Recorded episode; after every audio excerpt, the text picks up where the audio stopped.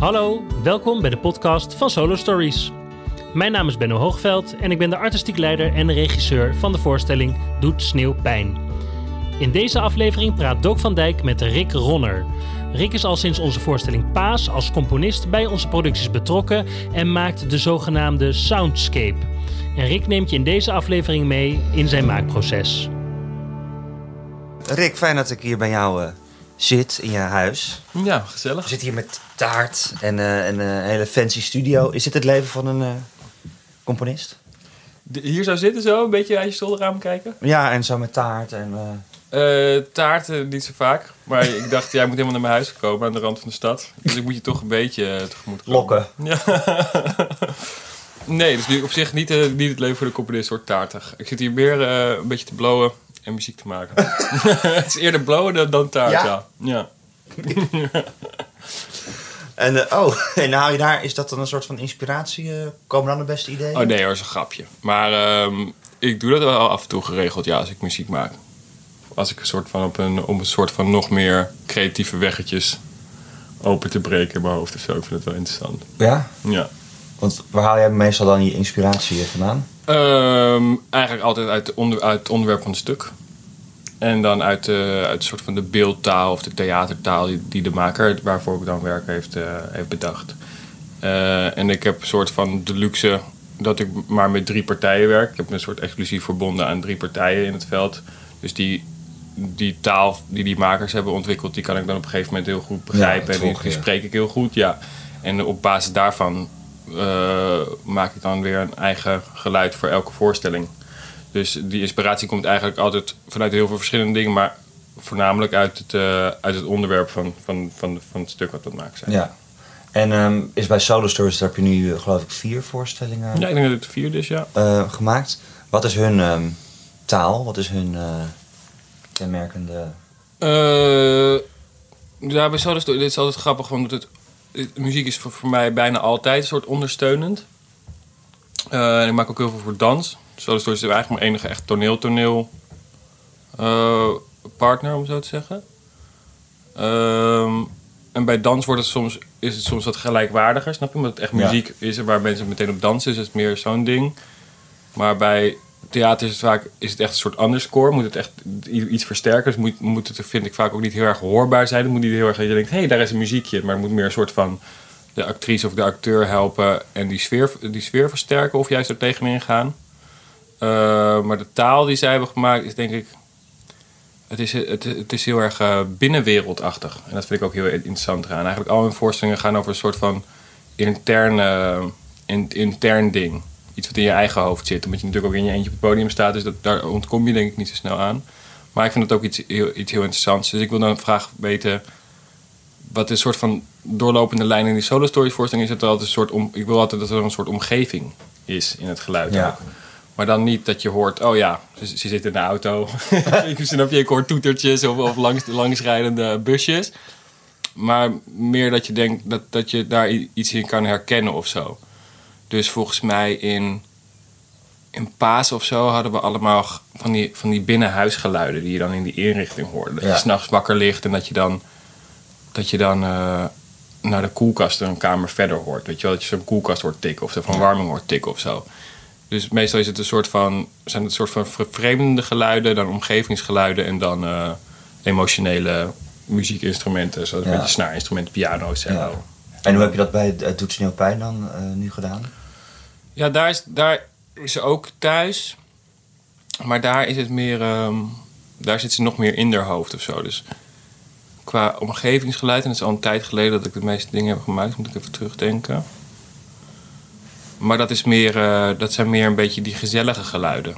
Die je dan niet meer hoort. Ja. Dus vorkjes, lepeltjes. Een beetje geroezemoes op de achtergrond. Dat soort dingen. Uh, en daarnaast is het een soort van. Zit er, ook, zit er in heel veel dingen een soort van. Voor vliegen heel veel, in, in heel veel muziekstukken een soort galm. Uh, die ik dan een beetje heb gekoppeld aan. Als het, ben je, ga je wel eens binnensport? Ja, ik ben één keer um, ben ik geweest, ja. Maar Ja, ja. uh, het was niet een heel florerende Nee. move Was het hem niet? Nee. Nou, ja. Ik denk dan weer de hele tijd dat ik van alles breek en zo. Dus ik Oh, durf ja. alleen zo op het peuterveldje. Oh ja. Nou, als je op een gegeven moment, als je wat, wat verder gaat, in het, maar kan op het peuterveldje overigens ook. Soms heb je dat het dan, dan sneeuwt het niet eens heel erg, maar het sneeuwt een beetje en het is vooral heel erg mistig en dan wordt alles een beetje hetzelfde. Omdat de Ja. grond is wit en de lucht is wit en alles voor je is wit. En dan wordt het, net als hier, als het, als het gesneeuwd heeft en het mist, dan, ja, dan wordt alles een beetje zo woef, zo'n wol, zo'n wollen deken over je heen. Ja. En dat is met rouw ook een beetje zo, heb ik altijd het gevoel. En ergens, volgens mij zelfs in een script heeft het, heeft het, heeft het daarover. Over zo'n soort iets wat je dan. Iets wat waar je dan helemaal in ondergedompeld bent. Of iets wat je dan wat, wat alles afstomt of zo. Dus daar zit. Dus een beetje omgevingsgeluid, maar in, in Doe Sneeuw Pijn zit het vooral in een soort van. Iets wat heel heftig is. Iets wat heel mooi is en wat dan langzaam uitbrokkelt tot iets wat heel monotoom is. Of, of geluiden die heel. ehm, die heel bedompt op een gegeven moment aan gaan voelen. Die vervliegen in een soort van mist van geluid in plaats van in kenmerkende gedefinieerde tonen. Dus, we- dus zodat je, zodat je die, die, ja, dat wollige een beetje voelt. ja en hoe, hoe creëer je dat? Hoe maak je dat? Eh, ik ga eigenlijk altijd eerst, helemaal voor solo stories, ga ik gewoon dingen op de piano spelen. En dan ben ik gewoon een beetje aan het rommelen en dan zoek ik een akkoord, een schema of een toonladder of iets wat ik tof vind. Wat ik erbij vind passen. En daarna ga ik dat allemaal uitsturen. Dus dan maak ik daar geluidsfragmenten van. En die ga ik dan heel lang maken of heel bedompt maken. Of heel erg uit en omdraaien, zodat, zodat het een beetje vervreemdend geluid wordt. En in deze voorstelling vond ik het heel mooi om, ehm, om eerst iets moois te maken. Dus bijvoorbeeld ook in die trailer, zo iets, iets heel vredigs. En van alles Ja. is heel fijn. Ze is lekker thuis met haar man en de kindjes. Ze is helemaal gelukkig. En dat is dan zo'n herinnering. En, dan- langzaam hoor je dat geluid zo uit elkaar getrokken worden... tot het, tot het iets heel langzaams en tikkends wordt. En dat is een soort technologietje en dat heet eh, eh, granulaire synth- synthesis. Granular synthesis. En dat betekent dat je het geluid echt in een soort van kleine korreltjes, zandkorreltjes uiteentrekt. En dat vind ik een heel interessant ingangetje voor die, voor die voorstelling. Omdat het eigenlijk de hele tijd over een soort van herinneringen gaat Ja. Aan toen het wel nog allemaal goed was, omdat hij er wel nog was of zo. En dat is volgens mij altijd wel zo'n ding in een soort rouwproces dat je de hele tijd. En dat vind ik ook mooi in, die, in, die, in, dat, in dat boek en in dat stuk. Dat het gaat over dat elastiek, weet je wel. Dat je, dat je de hele tijd denkt aan hoe fijn het was en dan, dan weer helemaal terug in die rouw Ja. komt. Als je Dat- teruggetrokken wordt. Ja, ja. dus die soort van transformatie van, van gedachten en herinneringen en emoties of zo, dat vind ik wel, vond ik een interessant uitgangspunt om eh, in de muziek te verwerken. Ja. Ja. En ehm, dus als jij dus gewoon dat script, toen jij het script las, dan komen gelijk dat soort ideeën gelijk omhoog poppen. Ja, meestal bij als ik het zelf lees thuis, maar ook vooral bij de scriptlezing, want er zit er een acteur bij natuurlijk en die, die, die, die kan het dan inlezender lezen als ik of zo. Dan hoor ik er meteen iets extra's bij. En er zijn weer schrijvers erbij die wat extra input kunnen geven. Ehm, en dan heb ik meteen bij sommige dingen heb ik meteen een beeld. En denk ik, oh, dat zou heel tof zijn. Of hier moet juist, hier moet juist niks zijn. Of hier kunnen we een grapje doen. Bij Benno zit er ook ergens altijd een, gek beatje in waar een dansje op moet. Deze keer volgens mij niet. Eh, maar er zit altijd wel ergens iets geks of zo. Ja. Dus die dingen die, ehm, ja, die komen dan meestal wel op. En sommige dingen ontstaan ook meer. En sommige dingen stuur ik dan heel veel heen en weer met regisseur of niet. ja. En werk jij, doe jij alles met echt. Want ik zie hier dan wel inderdaad piano keyboard staan, maar is alles voor de rest helemaal. Komt het uit je laptop? Ja, ja. Eh, behalve die omgevingsgeluiden. Dus ik ga ook met zo'n soortzelfde soort opnameapparaatjes waar we nu op zitten praten. Ga ik wel eens naar buiten of in mijn huis en neem ik gewoon dingen uit. Neem ik dingen op en de rest die speel ik of op piano's ergens waar ik ben. Dan neem ik dat op of ik speel het of, of ik, en ik bewerk dan allemaal via, via mijn laptop. Ja. Ja. Ja. En eh, was het iets wat jij altijd al eh, als kind af aan al wilde worden, wilde doen? Nee, nee, helemaal niet. Ik eh, maakte wel altijd al muziek. Ik heb eerst basgitaar gespeeld. Ik was heel erg fan van Nirvana altijd. En toen dat ik op de middelbare school hier om de hoek... had ik een paar vriendjes en die waren dat ook. En toen gingen we, hadden we een bandje gevormd. En toen op een gegeven moment ging ik meer naar hiphop luisteren. En toen ben ik beats gaan maken. Dat heb ik heel lang gedaan. al- Altijd voor de lol en ook altijd in mijn hoofd gehouden. Dit is gewoon, dit is gewoon iets leuks voor de bij. Ik wil het ook niet professioneel doen, want dan wordt het werk. Daar heb ik geen zin in. En toen ehm, studeerde ik geschiedenis, docentenopleiding geschiedenis. Toen ben ik bij de bakker gaan werken daarna eventjes. Ja, omdat ik dacht, ik was meteen naar de middelbare school doorgegaan naar geschiedenis. Ik dacht, als ik nu weer een les ga geven op middelbare school, dan kom ik nooit uit Dan het kom je nooit meer ja, Volgens mij moet ik dat niet uit doen. systeemplafonnetjes. En ik wil gewoon even iets doen waar niet mijn hoofd voor nodig is, maar juist meer iets met wat, gewoon wat, wat, wat wat meer hands-on is. Toen ben ik bij de bakker gaan werken, een half jaar tot drie kwart jaar of zo. Vond ik heel leuk. Heel vroeg opstaan en veel energie. En toen daarna via via kwam ik bij iemand bij Is terecht. Een dans, uh, dansgezelschap, ja. En uh, daar heb ik allerlei dingen gedaan, dingen geproduceerd en dingen in het in uh, facilitaire dingen gedaan. Allerlei verschillende soorten dingen gedaan. Was heel leuk. Echt een soort tweede familietje geworden. Werk nog steeds heel veel voor. Al een jaar of 15 nu. Um, en toen maakte ik nog steeds beats gewoon leuk. En een beetje met rappers werken en zo. Dat vond ik allemaal heel interessant. En toen had een uh, vriendinnetje van mij, die had een keertje auditie daar. Die zat al heel lang bij Ish, maar die had een auditie voor volgend stuk. En die had een beatje van mij gebruikt. En toen vroeg die guy, Marco Gerris, dat is de artistiek leider. Die vroeg uh, van, hey, dit is vet man, van wie is dit? En zei ze iets van Rick. Zei ik van Rick?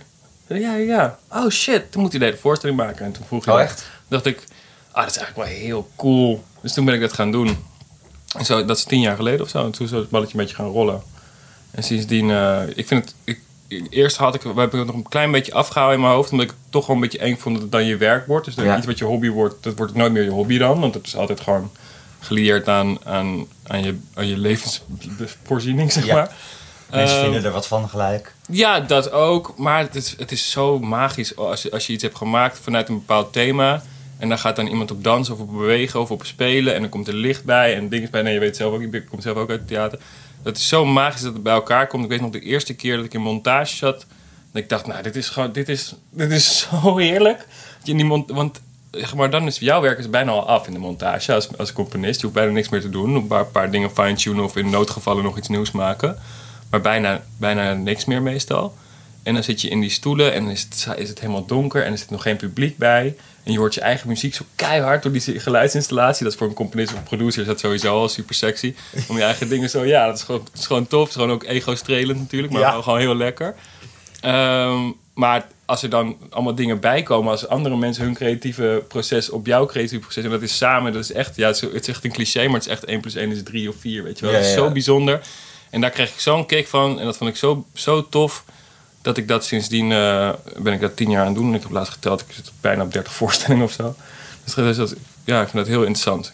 Ik doe het een beetje te veel. Ik merk nu dat ik een beetje overwerkt begin te worden, zeg maar. Afgelopen jaar of zo.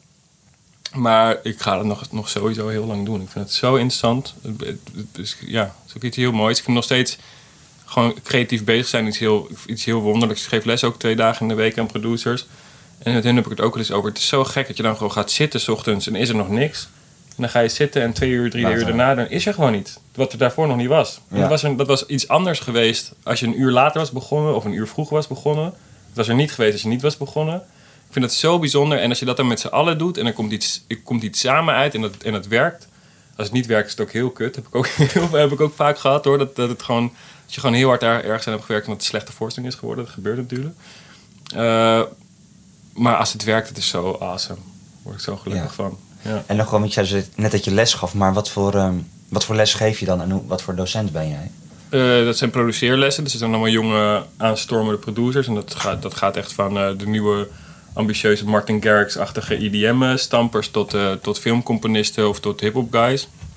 En die geef ik eigenlijk, ik heb, ben er ook mentor geweest en muziekgeschiedenis gegeven, maar nu geef ik eigenlijk alleen nog maar hoofdvak.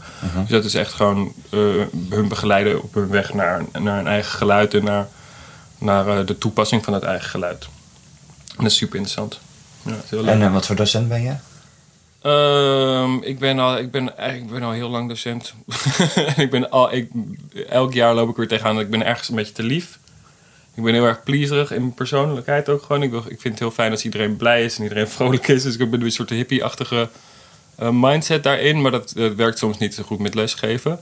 Dus soms ben ik, ben ik iets te lief. Ja. Maar ik ben heel erg betrokken. Ik wil dat het met iedereen heel erg goed gaat.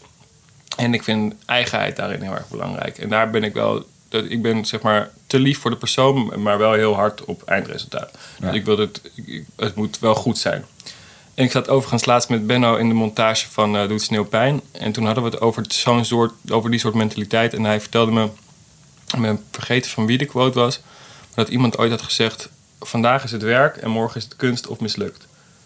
En dat, dat, eh, ja, dat, die, dat raakt heel erg een soort van hoe ik daarnaar kijk en wat ik ook op, op hun, eh, op, op, mijn, op mijn studenten zeg maar wil overdragen. Ja.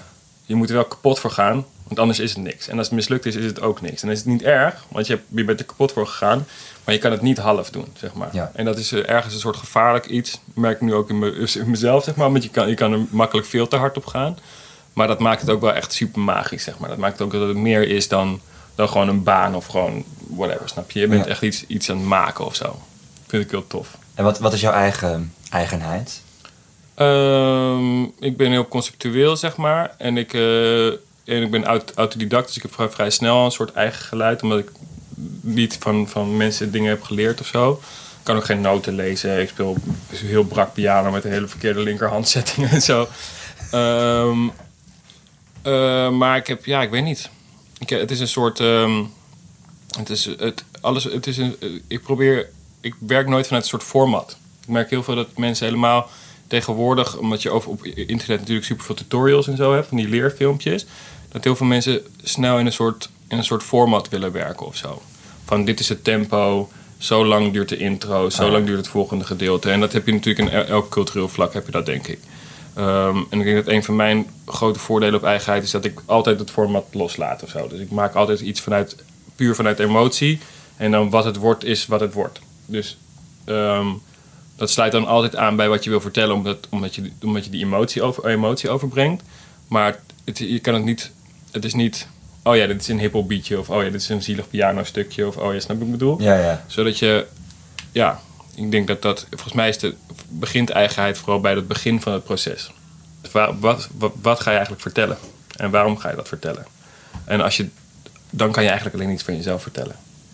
Want anders ben je, ja, of je, ja, je kan een soort hele monoloog houden van iemand anders, maar ja, dat werkt En niet. volgens mij slu- sluit dat ook dan wel weer goed aan bij solo stories. Want die natuurlijk zo altijd van die kernthema verhalen hebben. Ja. Ehm, en wie zijn jouw eh, voorbeelden? Oh, ik heb, ja, ik, dat verandert heel veel.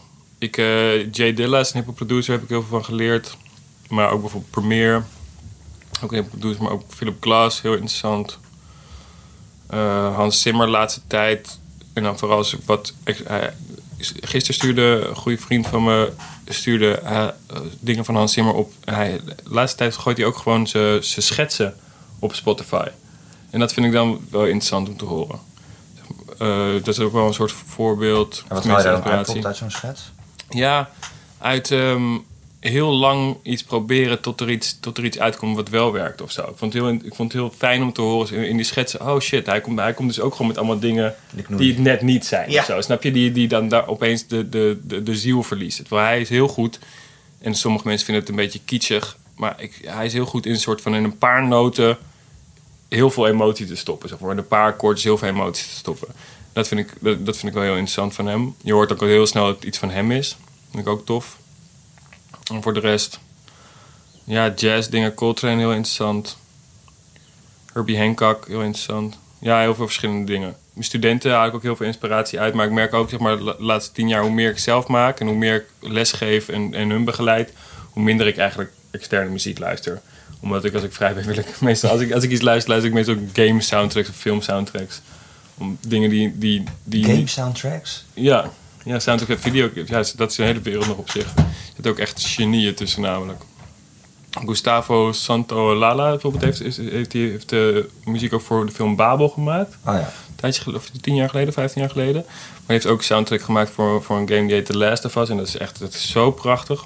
Daar kan ik ook meteen van huilen als ik naar, naar hoor. Ja? naar luister, ja, ja. En wat is dat dan? Ja, dat is een soort. Hij is, hij is een Argentijnse guy en hij heeft een soort heel raar snaarinstrument wat hij speelt. Maar ehm, ja, ik weet niet. Hij speelt het ook met. er zit- het is zoveel gevoel en zo weinig noten, zeg maar. Met, en dan zoveel gevoel. Ik vind dat vind ik altijd. Ja, ik weet niet. Ik vind dat iets heel wonderlijks hebben. Want alle noten en bijna alle notencombinaties, alles is natuurlijk al een keertje gedaan of zo. En helemaal in die soort van ondersteunende filmmuziek. Eh, die je zo op emotie moet duwen, is het soms moeilijk om eh, voor mensen om een soort, nog een soort eigenheid of een soort van iets puurs uit te krijgen. En vooral dat laatste eigenlijk. Maar hij, is, hij kan het supergoed, vind ik. En dat vind ik heel bewonderenswaardig. Dat zoek ik ook altijd namelijk. Het, moet, dat het, het moet echt zijn. Het moet nooit een soort van geforceerd voelen van... Dit is een heel zielig stukje, huilen allemaal. Oh. Snap je? Dat vind ik altijd heel kut. Ja. Dat je denkt van, ja, nee...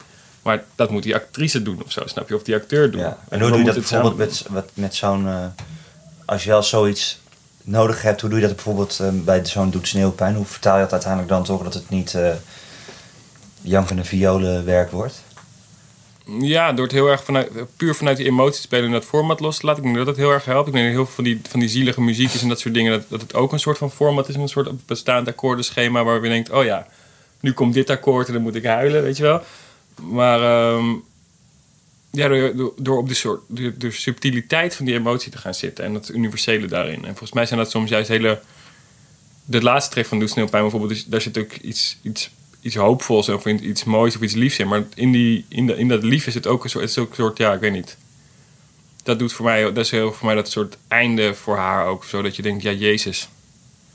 Het was allemaal zo kut allemaal, dat het nu niet meer zo is, maar het was zo mooi of zo. En die, die, die, soort die tweestrijd overal in, wat rouw volgens mij of verdriet heel vaak is. Want je kan niet echt verdrietig zijn om iets wat niet daarvoor heel mooi was. Ja.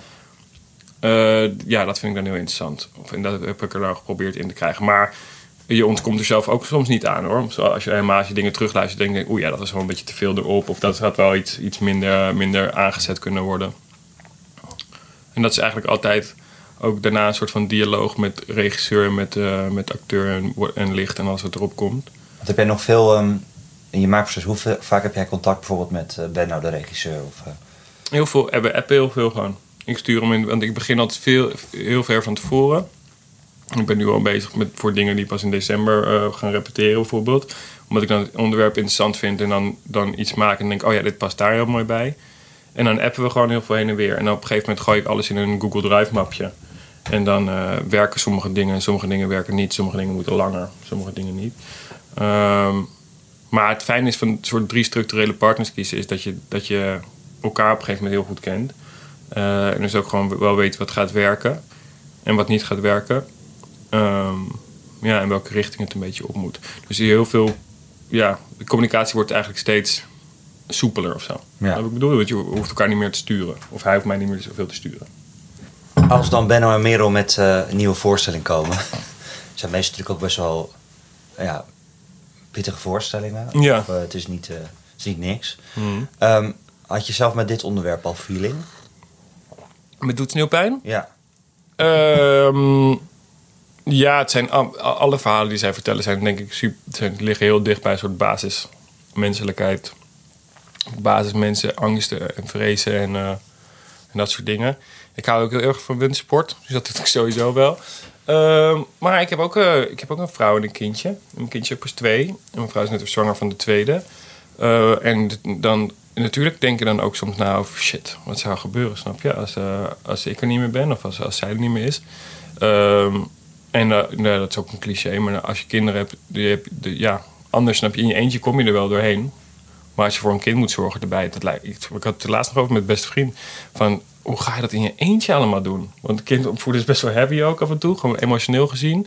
Eh, en ook gewoon dat je het besef dat, je, dat het voor altijd is of zo. Dat merkte ik ook gewoon bij het vaderschap. Dat je altijd denkt, dat je altijd hebt, altijd hebt gevoeld van alles is soort tijdelijk, weet je. Als je je baan niet meer leuk vindt, ga je iets anders doen. Als je vriendin of je vriendje niet meer leuk vindt, ga je iets anders doen. Als je huis niet meer leuk vindt, koop je een ander huis. Of dan ga je een ander, ander huis zoeken.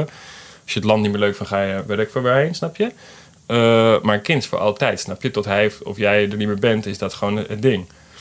Ehm, en als je dat helemaal in je eentje zou moeten doen, zonder degene die samen met jou dat kind heeft gemaakt, lijkt me fucking intens. Ik weet niet. en je kan alles, snap je? Dat is het lijpen van mensen en het, en, het, en het heftige van mensen ergens, vind ik altijd. Dat je overal aan aanpast. Dus dat negatieve kan je aanpassen en dat ga je handelen, maar het positieve ga je ook aanpassen. En dat voelt op een gegeven moment niet zo speciaal meer. Van dat, ik merk dat ik dat de laatste tijd een van de, van de rare dingen van de mensheid vind. Dat je overal aan aanpast, snap je bedoel? dus je kan ergens in een vluchtelingenkamp in Palestina opgroeien. Heb ik wel eens gezien. Die mensen zijn ook verliefd, maken ook kunst en ook gelukkig.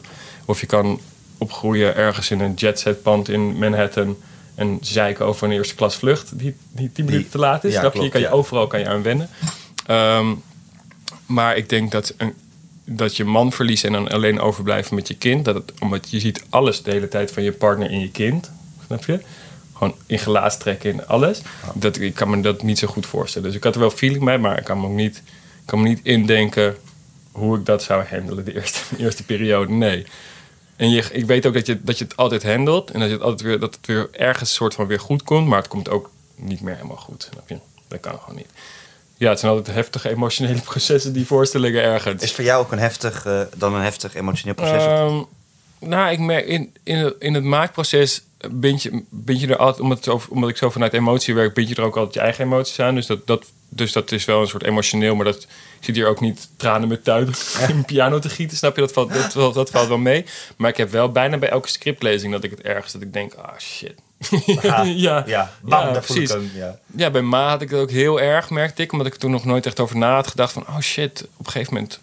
Op een gegeven moment gewoon... Ik vond het heel erg vooral dat, dat, die, in die ma, dat, die, dat die vrouw dan die man verliest op een gegeven moment. Dat je denkt, what the fuck, snap je? Dan, hè, je bent altijd samen en dan ben je er op een manier. Het gaat ook, ja, nou, ja, vooral in herhaling. Maar het gaat over zulke standaard menselijke emoties. Zulke belangrijke menselijke angsten... dat, het, dat ik dat altijd in dat, in dat maakproces... die kom, je, kom je die zelf ook wel tegen, ja. Ja. En dat, ja, dat vind ik ook altijd heel tof. Ik, wel, ik, in alle partijen met wie ik werk zoek ik naar een soort van hecht familieachtig bandje. Ja. Dat je samen... Ik vind dat heel fijn als je een beetje naar de tering kan gaan met z'n allen. Ja. ja. Ja, je moet een beetje bloeden voor de Ja. kunst. ja. Mijn vrouw die zei ook eh, een paar weken geleden... Want ik ben, ik ben een beetje te hard aan het werk. En zij zei vroeger... Zei ja, voor de grap, alles voor de kunst. Alleen nu- ben je een beetje een karikatuur van jezelf Ja, je geworden. begint een cartoon te worden. Ja. ja, precies. Dat je zelf gewoon, ja. Nee, maar ik ben er nog steeds heel blij mee. Dankjewel voor het gesprek, Rick. En Dook natuurlijk ook. En jullie bedankt voor het luisteren. Tot en met 4 juni speelt de voorstelling Doet Sneeuwpijn door het hele land. Ga naar onze website www.solostories.nl voor de speellijst. Vergeet niet te abonneren en kijk voor andere nieuwtjes op onze Facebook en Instagram. Of luister naar de andere afleveringen van onze podcast. Tot de volgende keer. Ciao!